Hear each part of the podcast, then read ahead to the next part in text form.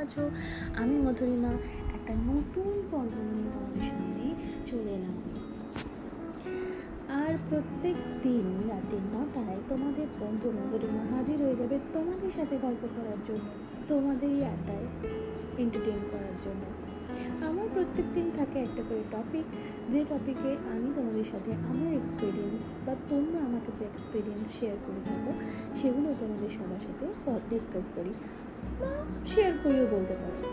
সেরকম আজকে আমি একটা স্পেশাল টপিক নিয়ে আলোচনা করতে চাই, যেটা সত্যি আমার কাছে খুব স্পেশাল দেখো, আমরা আমাদের লাইফে চলতে গেলে প্রথমে বাবা মা, তারপর আর একটু পরে হয়তো দিদি, দাদা বা যারা আমাদের একটু সিনিয়র থাকেন তাদের। তারপর আসে বন্ধুরা। আমাদের লাইফে কিন্তু আমরা কাউকে না কাউকে নিয়ে পাশে চলতে ভালোবাসি বা ভালো থাকি। তাই লাইফে আমাদের একটা ভীষণ ইম্পর্ট্যান্ট পার্ট আমাদের জীবনের একটা অবিচ্ছেদ্য অঙ্গ যদি বলা হয়, সেটা হলো এই বন্ধুত্ব। আর আজকে আমি বন্ধুত্ব নিয়েই তোমাদের সাথে কিছু কথা শেয়ার করতে চাই। কারণ আফটার অল তোমরাও তো আমার ভীষণ প্রিয় বন্ধু। প্রত্যেকে যারা আমাকে শুনছো, যারা আমাকে শোনো রেগুলারলি ফলো করো, তাদেরকে তো আমার ধন্যবাদ জানানোর কোনো ভাষা নেই। তাই ভাবলাম আজকের এই এপিসোডটা আমি তোমাদেরকে ডেডিকেট করতে। তো আজকের এপিসোডটা আমি রেখেছি বন্ধুত্ব নিয়ে। সত্যি, বন্ধুত্ব এমন একটা শব্দ যেটা শুনলেই মনটা ভালো হয়ে যায়। তাই না? আমার তো হয়। বন্ধুত্ব মানে এমন একটা ভালো লাগা যেটা বোধ হয় দুষ্টুমি আর একটু অভিমানে ঘেরা থাকে। বন্ধু মানে কিন্তু আপন করে নিতে একটুও সময় লাগে না। কিংবা বন্ধুত্বের মধ্যে কিন্তু কোনো অবহেলা থাকে না। বন্ধু মানে সুখ দুঃখের সাথী। যে তোমার ক্ষতি করবার চেষ্টা করলেও সেটা বড্ড আপেক্ষিক হয়। দীর্ঘ সময়ের জন্য নয়। হয়তো রেজাল্টের একটু এদিক ওদিক হলেও সেটা কিন্তু বাস্তবিক জীবনে একেবারেই নয়। বন্ধু মানে একটা অদ্ভুত সম্পর্ক, যেখানে অনেক বন্ধু আমাদের জীবনে আসে যায়। কখনো আমরা পাশে পাই, কখনো পাশে পাই না। কিন্তু প্রকৃত বন্ধু কিন্তু আমাদের জীবন থেকে সে যত দূরেই যাক সে কিন্তু হারায় না। আবার বন্ধু মানে গভীর রাতে হঠাৎ টেলিফোন। মানে জিজ্ঞেস করা কিরে কি করছিস? এটাই তো বন্ধুত্ব। বন্ধু মানে কথার মাঝে হারিয়ে যাওয়া মন। হাসি, কান্না, নীরব আশ্রয় সব কিছু বন্ধু মানে হাসি ঠাট্টা, জয় পরাজয়, সব মিলিয়ে একটা অনাবির আনন্দের সম্পর্ক। প্রেম আর বন্ধুত্ব দুটোই কিন্তু ভালোবাসা দিয়ে তৈরি।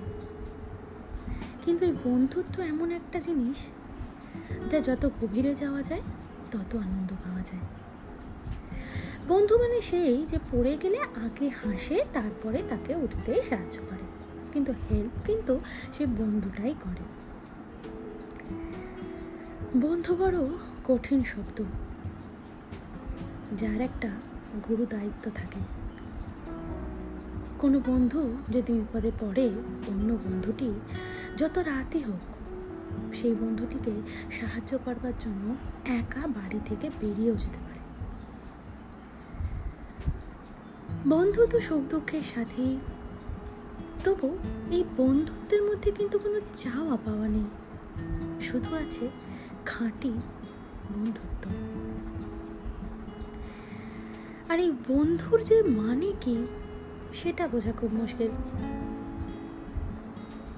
মানে কখনো মনে হয় কফির সাথে একটু আড্ডা, আবার কখনো মনে হয় যাকে সব কথা শেয়ার করা যায়। বন্ধু পাশে থাকলে বোধহয় অনেকটা ভরসা পাওয়া যায়। যখন তুমি একটা কঠিন পথ দিয়ে হেঁটে চলো, তখন একটা শক্ত হাত তোমার দরকার হয়। জীবনের প্রথম প্রান্তে হয়তো তোমার বাবা মা তোমার এই হাত হয়ে তোমার সাথে তোমার কাঁধে হাত মিলিয়ে রাখ, চলতে পারে। কিন্তু যত বড় হও, বাবা মার থেকে দূরে সরে যেতে থাকো। এই বন্ধুত্বই কিন্তু তোমাকে সেই শক্ত হাত হয়ে তোমার পাশে দাঁড়ায়। তোমার কাঁধে কাঁধ মিলিয়ে প্রতিটা যুদ্ধে তোমাকে এগিয়ে দেয়। তাই বন্ধুত্ব শব্দটা যতটাই ছোট, তার গভীরতা ততটাই কঠিন। এখন অবশ্য এখন বলা ভুল, বেশ কিছু বছর ধরেই বন্ধুত্বের আবার একটা হ্যাশট্যাগ হয়েছে হ্যাপি ফ্রেন্ডশিপ ডে কিন্তু এই একটা ফ্রেন্ডশিপ ব্যান্ড পরিয়েই এই পুরো বন্ধুত্বটাকে কি ডিটেলিং করা যায়?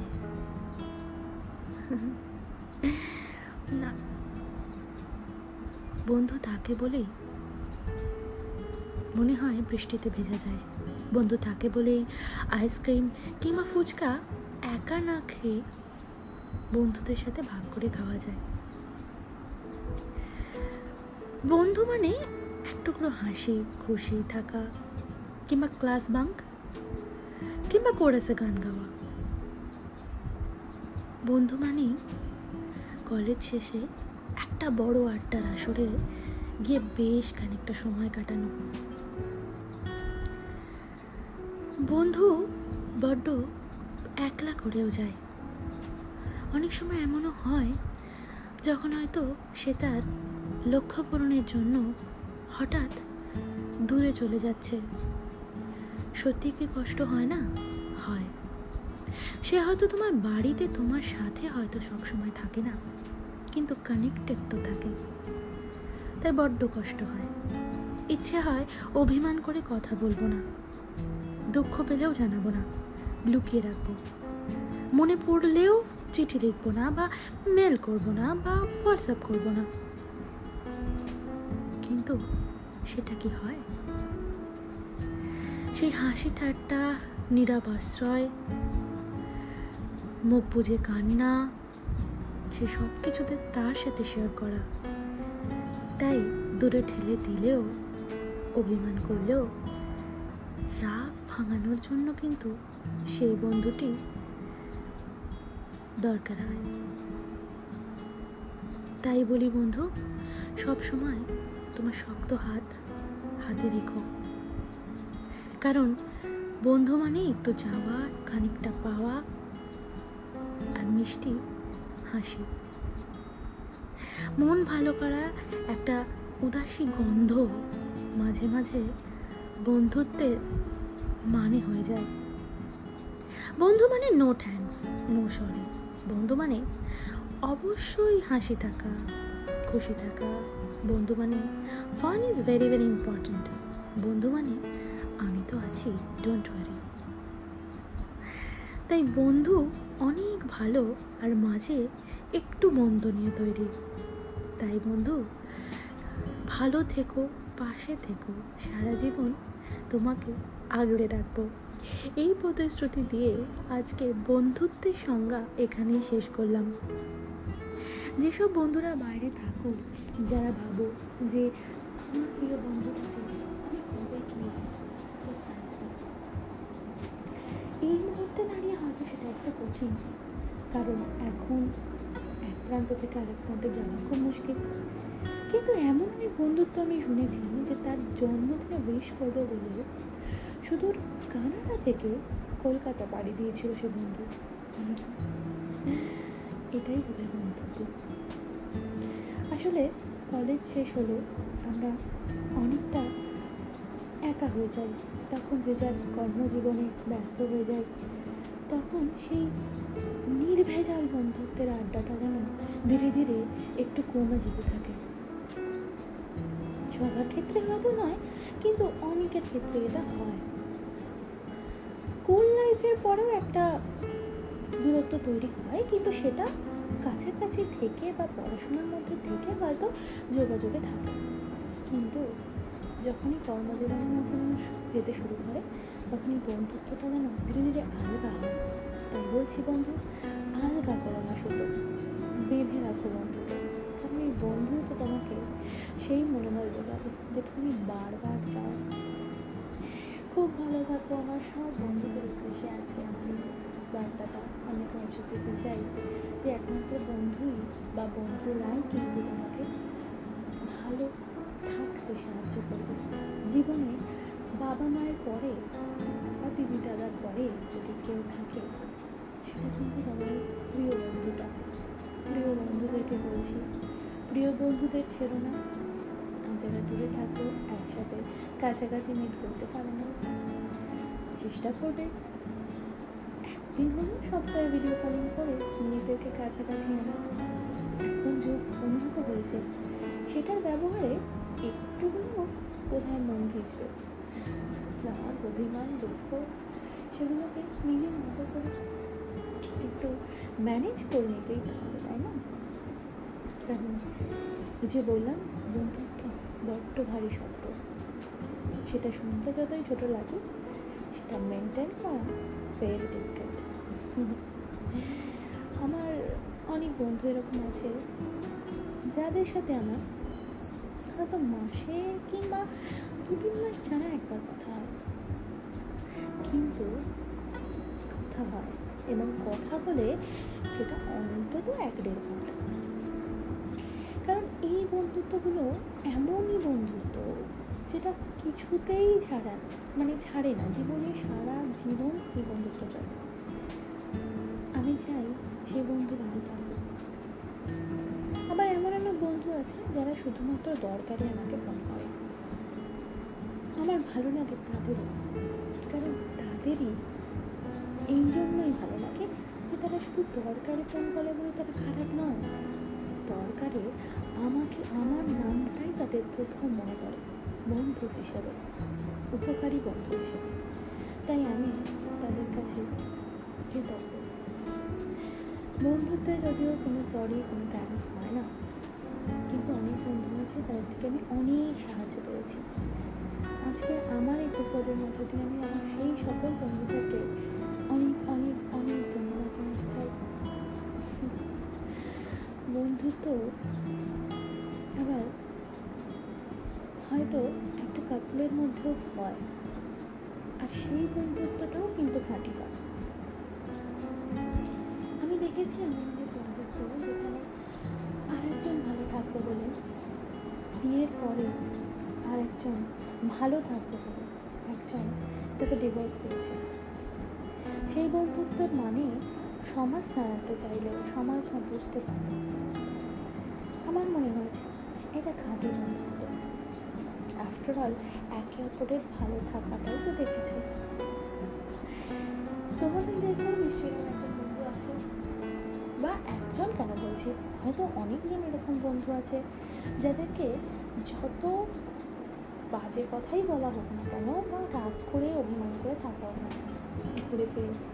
তাদের একটা ফোন কল কিংবা একটা চোখের দেখা দেখার পর তোমাদের অনুভূতিটা ঠিক আমার মতোই হয় যে গিয়ে তাকে জড়িয়ে ধরি অথবা তার ফোন কলে তাকে বলি যে, কবে আসছিস? এইভাবেই আমাদের বন্ধুত্ব আগামী দিনেও যেন চলে। আরও এগিয়ে যাক আমাদের বন্ধুত্ব। তোমাদের সাথেও চাই আমাকে কোনো মেসেজ করো ফোন নাম্বারে ফোন করো হোয়াটসঅ্যাপ করো অনেক কিছু করতে পারো। যেভাবেও কানেক্ট করতে পারো। ভালো থেকো। আর আজকে আমি আমার এই এপিসোডটা যেহেতু আমার সব বন্ধুদের ডেডিকেট করছি, তাই একটা বন্ধুত্বের মিষ্টি গান দিয়ে শেষ করতে চাই। শুনতে থাকো। কালকে আমারও আমি ঠিক রাত্রি নটা ফেরত আসব তোমাদের সাথে গল্প করার জন্য। নতুন একটা টপিক নিয়ে। ততক্ষণ শুনতে থাকো আর ভালো থেকো।